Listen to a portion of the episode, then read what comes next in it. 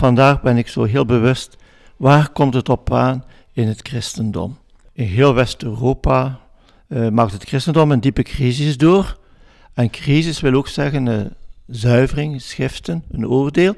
En dan stelt de mens zich de vraag, maar waar komt het op aan? En voor mij is zo duidelijk, geloof en geloof alleen. Dat is de boodschap van Paulus en de boodschap van Jezus uiteindelijk. En dat heb ik dus heel dikwijls teruggevonden in Paulus en dat heeft mij ook geboeid al jaren geleden. En die boodschap, zoals Paulus die verwoordt, gaat naar de kern, geloven. Natuurlijk, de vraag is, wat is dan geloven? Hè? Maar dat is een kernwoord. En dat ik ook terugvind bij, bij de mystieken zoals Johannes van het Kruis en Teresa van Avila. Ja. Ja, stelt de vraag zelf al, wat is dan geloven? Het is bijna, ik zou bijna willen zeggen bij die tekst die ik nu hoor van, dit is de reformatie. De gerechtvaardigen zal uit het geloof leven. En terecht, ik denk dat uh, Luther heel juist gezien heeft. Zijn tijd, mutatis mutandis met de nodige aanpassingen, kan ergens vergeleken worden met de onze, maar zocht ook naar de kern. Er waren veel bijkomstigheden in de tijd van Luther, maar nu ook, zeker in de katholieke kerk, de voorbije honderd jaar waren er ook zeer veel bijkomstigheden die te veel aandacht kregen. En heel die zuivering die gebeurt, die uitzuivering, is goed, is positief. En brengt ons naar de kern. En eh, ik kom op hetzelfde punt uit als Luther. Het is de boodschap van Paulus. Hè? Dan het tweede deel van de vraag, wat is geloven? Goh, opnieuw, die mooie brief aan de Galaten, die dicht staat natuurlijk bij de brief aan de Romeinen. Hè?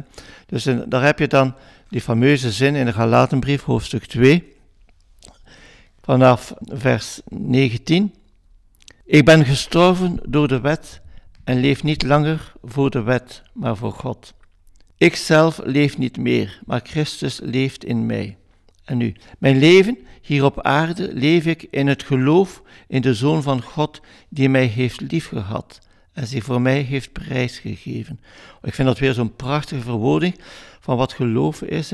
Geloven in de Zoon van God die mij heeft liefgehad en zich voor mij heeft prijsgegeven. Dus die relatie met Christus, in wie we de aanwezigheid van God ontdekken, en vooral een liefdevolle aanwezigheid, die mij heeft liefgehad. Ik vind het niet zelf uit, maar het staat hier gewoon bij Paulus. Hè. Dit is voor u gaan leven op een gegeven moment. Ja, zeker. En uh, dan ben ik op een bepaald moment, ik was toen uh, eh, 25 jaar, een studie gaan maken over Paulus, omdat het me zo boeide. Ik heb dus bijbelstudie gedaan maar het was vanuit een aanvoelen van Paulus heeft iets wezenlijks te zeggen. Ik heb dan ook de studie over Paulus gemaakt hè, en bepaalde teksten van Paulus. En dat is voor mij wezenlijk, omdat je voelt bij Paulus ook dat is geen theorie, dat is ook een ontdekking geweest in zijn leven. Die figuur van Christus, belang van Christus in zijn leven, als een enorme ommekeer in zijn leven. Hè. En voor mij leven die teksten wat is dan het geloof in de Zoon van God, in Jezus Christus? Wat, wat is dat? Eh, hoe moet ik dat zien? Ja, als Paulus zegt, ik geloof hier in de Zoon van God die mij heeft liefgehad. Dat geloof kan maar een antwoord zijn op die liefde. Als je ontdekt dat in God, in Jezus, Gods liefde, Gods barmhartigheid zo dicht bij ons komt, kan ons antwoord toch maar een vertrouwen zijn. Geloof, ik, ik vervang dat heel dikwijls vandaag zo door vertrouwen. Omdat geloof zo ja, dikwijls een afgesleten woord is. Ik geloof dat het morgen zal regenen. Dat heeft niks te maken met het Bijbels geloof. Hè. Dat is dan zo in de betekenis van ik denk, ik vermoed of ik hoop het. Maar geloven betekent bij Paulus dat overgave, vertrouwen. Zo formuleer ik het meestal. Overgave, uw leven richten naar Hem. Ja, vriendschap zou Teresa zeggen. Hè. Ja. Maar die tekst in het begin laat, hè, er staat dat het een reddende kracht is. Ja. Uh, waaruit blijkt dat? Ja, dat is een heel eh, belangrijke vraag. Wat is dat dan, die reddende kracht? Hè? Het is het evangelie dat de reddende kracht is. Hè? Ik zou het persoonlijk vandaag zo verwoorden. Hè? Het geloof in de blijde boodschap zal mij redden. En op een bepaald moment redt mij die, dat geloof ook van ontmoediging, negativiteit, die toch in onze wereld heel sterk is. Uh, de blijde boodschap is toch een, een aanzeggen van Gods liefde voor ons, Gods aandacht voor ons. Eh, het is een, een belofte van leven, van, van vreugde zelfs. Ah ja, evangelie, blijde boodschap. En ik denk dat de blijde boodschap ons kan redden van veel pessimisme, ontmoediging, die vandaag zo de boventoon is in, zo in veel media. Nieuws in de media is allesbehalve goed nieuws. Meestal is dat tamelijk negatief. Dus reddende kracht, het is mooi. Het is een kracht. Evangelie is geen dode letter, het is een kracht. Want evangelie, nou, het is God zelf die spreekt door Jezus. Hè. En die ons bevrijdt, redt van wat op ons weegt, menselijk. Ook soms uh, bij veel mensen gevoelens van schuld. Ze maken fouten in het leven. Dat is mens zijn. Maar de reddende kracht van het evangelie is die belofte van barmhartigheid van God. Van goedheid, van trouw, ook als wij ontrouw zijn. Daarin zie ik die reddende kracht. Het evangelie als een levend woord. Hè?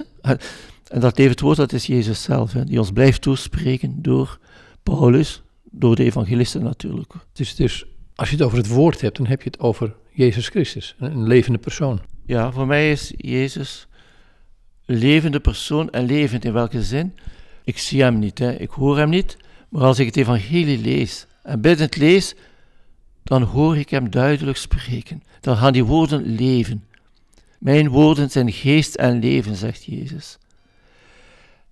En zo is hij mij nabij, reddend nabij, doordat bepaalde woorden mij dan echt bevrijden van een last, mij nieuwe moed geven, eh, mij ja, stimuleren. Hè? U noemt erbij, eh, mijn woorden zijn geest en leven, zegt Jezus. Maar is dit niet ook een van die geheimnissen, dat het woord een dood woord kan blijven, tenzij de Heilige Geest het tot leven brengt? Maar inderdaad, eh, als wij dat louter, dat woord gaan bestuderen, intellectueel bestuderen, is het dikwijls een dode letter.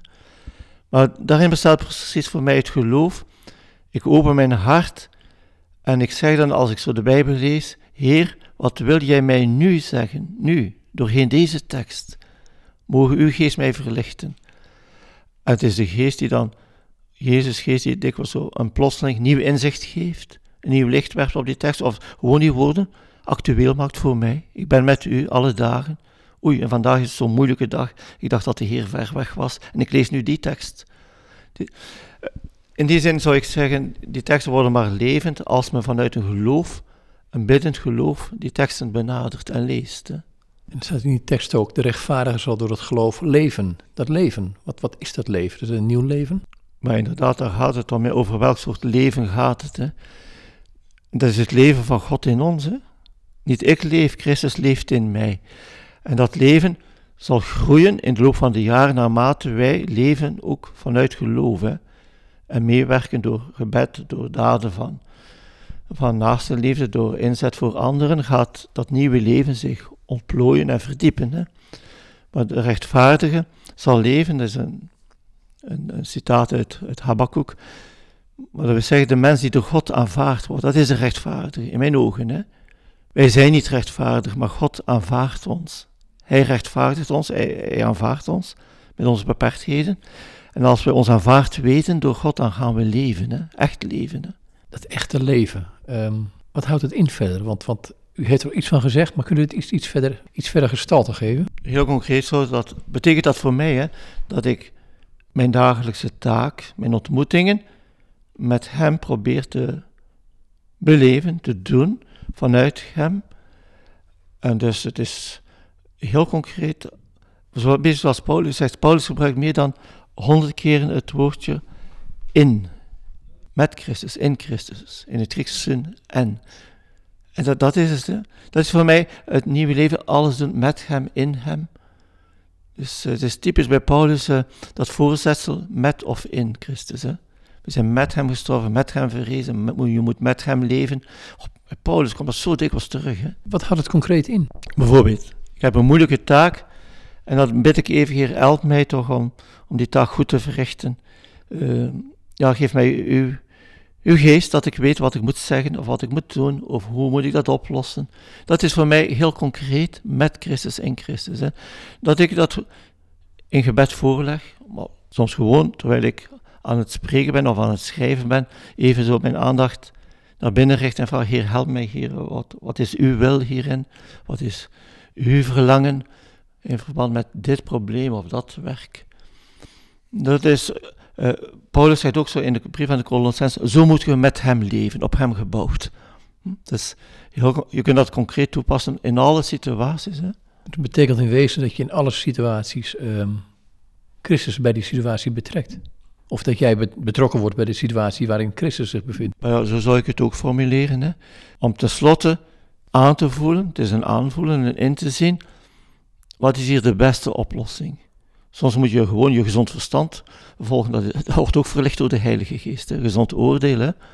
Er komen niet altijd zo'n speciale of duidelijke inzichten, maar gewoon aanvoelen, eerlijk zijn, oprecht, uh, met een goed oordeel, bepaalde problemen aanpakken, oplossen en dan erop vertrouwen dat dat dan ook met hem gedaan is, dat dat Gods wil is dan in die situatie. Ja, dus uh, dat heeft oneindig veel toepassingen. Hè. Maar zegt dat vertrouwen in, ehm, en toch zegt hij tegelijkertijd, ik heb hem niet gezien, ik hoor hem niet. Is dat een tast in het duister of is het meer? Ik zou soms graag de volgende vergelijking maken. Hè. Wat is geloven? Dat is wandelen in het duister, maar er is een volle maan, er zijn veel sterren, dus dat valt nog mee. Op bepaalde momenten kan de maan ook verduisteren of en kunnen de sterren ook achter een donkere wolken zitten, dan valt het minder mee. Maar geloven is nooit een klare lichte dag wandelen. Voor mij is geloven voortgaan in vertrouwen, maar er is voldoende licht. De volle maan, de sterren, en dat valt dus nog best mee. Maar sommige dagen, sommige perioden is het wel donker. Maar, maar vertaalt u dat nou eens naar een concrete situatie toe? Want dit is vrij, ik kan me dit voorstellen, maar er ligt een Bijbel open voor u. Heeft het ook met het licht te maken? Geloven is licht ontvangen van God. Hè? Maar het licht kan soms heel sterk zijn, maar dikwijls is het heel subtiel. In die zin, uh, God laat ons vrij, hij dringt zich niet op. Hij laat ons ook onze verantwoordelijkheid nemen in veel situaties. En dan is geloven aanvoelen van, ja, wat zou hier het beste zijn? Wat zou het best een antwoord kunnen zijn, zo vanuit het evangelie? Dus het is zeker licht, maar licht in. Soms zeg ik ook, ja, het is uh, vooruitgaan met zo'n geblinddoekt, maar toch aanvoelen, ja, dat is hier toch de juiste weg. En soms zie je een beetje door die, door die blinddoek. Als kind speelden wij zo uh, blinddoek spelen. En soms was die, die blinddoek toch niet al te dik, dan konden we toch iets zien. Het is een spel van licht en duister. Ik hou niet van mensen die het geloof altijd voorstellen als louter duisternis. Dat is het niet. Maar mensen die altijd spreken over het geloof als klaarlichte dag, dat is het ook niet. Het is dikwijls ja, een mengeling van de twee en bij elke mens zal dat uh, verschillend zijn. Maar God geeft voldoende licht. Staat trouwens in de Bijbel, God is licht. In hem is er geen duisternis. Maar het is geen verblindend licht. Het is een zacht licht. Het licht van het geloof, ja, dat is een traditionele uitdrukking uit de christelijke theologie. Hè. Het licht van het geloof. Voor mensen die dus ook eerlijk hun hart openen. Heeft die tekst ook gekozen omdat hij gefascineerd bent door Paulus zelf? Ja, dus de figuur van Paulus is, is merkwaardig. Het is een uitzonderlijke figuur, zoals er maar weinigen zijn in heel de geschiedenis. Zoals Augustinus, Bernardus, Teresa. Dat zijn uitzonderlijke mensen. Ik heb dus een studie gemaakt over Paulus. En uh, dan moet je zeggen, dat is een man met een buitengewone begaafdheid, een heel grote persoonlijkheid. De manier waarop hij dan uh, heel dat evangelie verwoordt naar niet-Joden toe. De manier waarop hij dus heel het christendom heeft gered, want hij heeft het opengesteld voor de heidenen tussen haakjes. Hè. Hij heeft in feite uh, heel die boodschap van Jezus gered, want het gevaar bestond wel dat hij opgesloten bleef binnen het Jodendom. Maar je moet geniaal zijn, iemand zoals Paulus, om zonder, ja, zonder traditie, christelijke traditie, dan heel die boodschap van Jezus dan te vertalen, in een heel andere cultuur te brengen, aanvaardbaar te maken. Uh, dat boeit mij omdat we, dat blijft tot vandaag een enorme opgave en een uitdaging. Ook om in, in onze tijd die boodschap van Jezus toch opnieuw te vertalen in die geseculariseerde wereld. Die heel andere denkcategorieën heeft, heel andere levensvisies. Hè? En dat vind ik zo buitengewoon bij Paulus. Altijd naar de kern gaan. Ergens is hij ook kind van zijn tijd, maar als je goed die brieven kent, en veel mensen zeggen het is toch zo moeilijk, ja, maar als je die goed kent, dan zeg je, dat is niet zo moeilijk, je gaat altijd naar de kern. Hè? En dat is dat geloof, die relatie met Christus, en daar komt het op aan. Hè? En dat is voor deze tijd denk ik toch wel een heel belangrijke boodschap. Hè? En is ook nu het evangelie een reddende kracht. Ja, inderdaad, voor elke generatie. Hè? Als we natuurlijk ook naar de kern van het evangelie gaan. Hè? En dat is de opgave, dat is de uitdaging voor de kerk nu veel durven loslaten.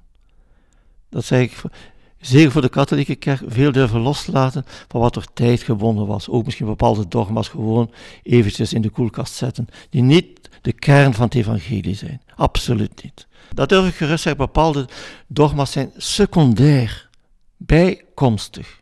Absoluut. En raken niet onmiddellijk de kern van het evangelie en de boodschap. En die kern is? God is ons nabijgekomen in Jezus. En in Jezus mogen wij die barmhartigheid ontdekken die ons vrijmaakt, die ons redt. Ik vind dat de kern, en die boodschap is voor alle mensen. Uh, ongeacht welke cultuur. Dat is voor mij de kern van heel de, trouwens van heel de Bijbel, ook van het Oude Testament. Als je niet gelooft, houdt je geen stand, zegt Jezaja. Maar heel het Oude Testament is toch een, een boek van geloof. Hè. Heel de geschiedenis van het, dat Joodse volk is een geschiedenis van vertrouwen in God, van barmhartigheid die ze ondervinden als ze iedere keer opnieuw een omweg maken, een zijweg nemen. Daar gaat het toch om. Hè.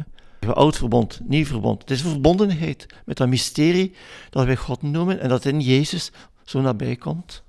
Dat is mijn geloof, verbonden zijn, verbondenheid ervaren, beleven. Ja. Oké, dank u wel.